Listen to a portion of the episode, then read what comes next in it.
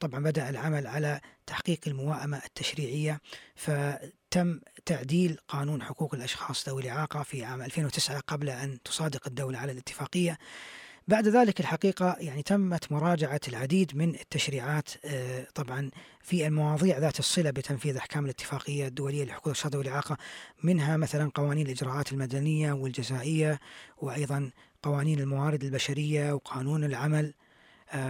طبعا إضافة إلى مراجعة العديد الحقيقة من السياسات والخطط الوطنية من ضمنها طبعا رؤية الإمارات 2021 أدرجت فيها الحقيقة العديد من المبادرات التي من شأنها تعزيز إدماج طبعا قضايا ذوي الإعاقة في برامج التنمية.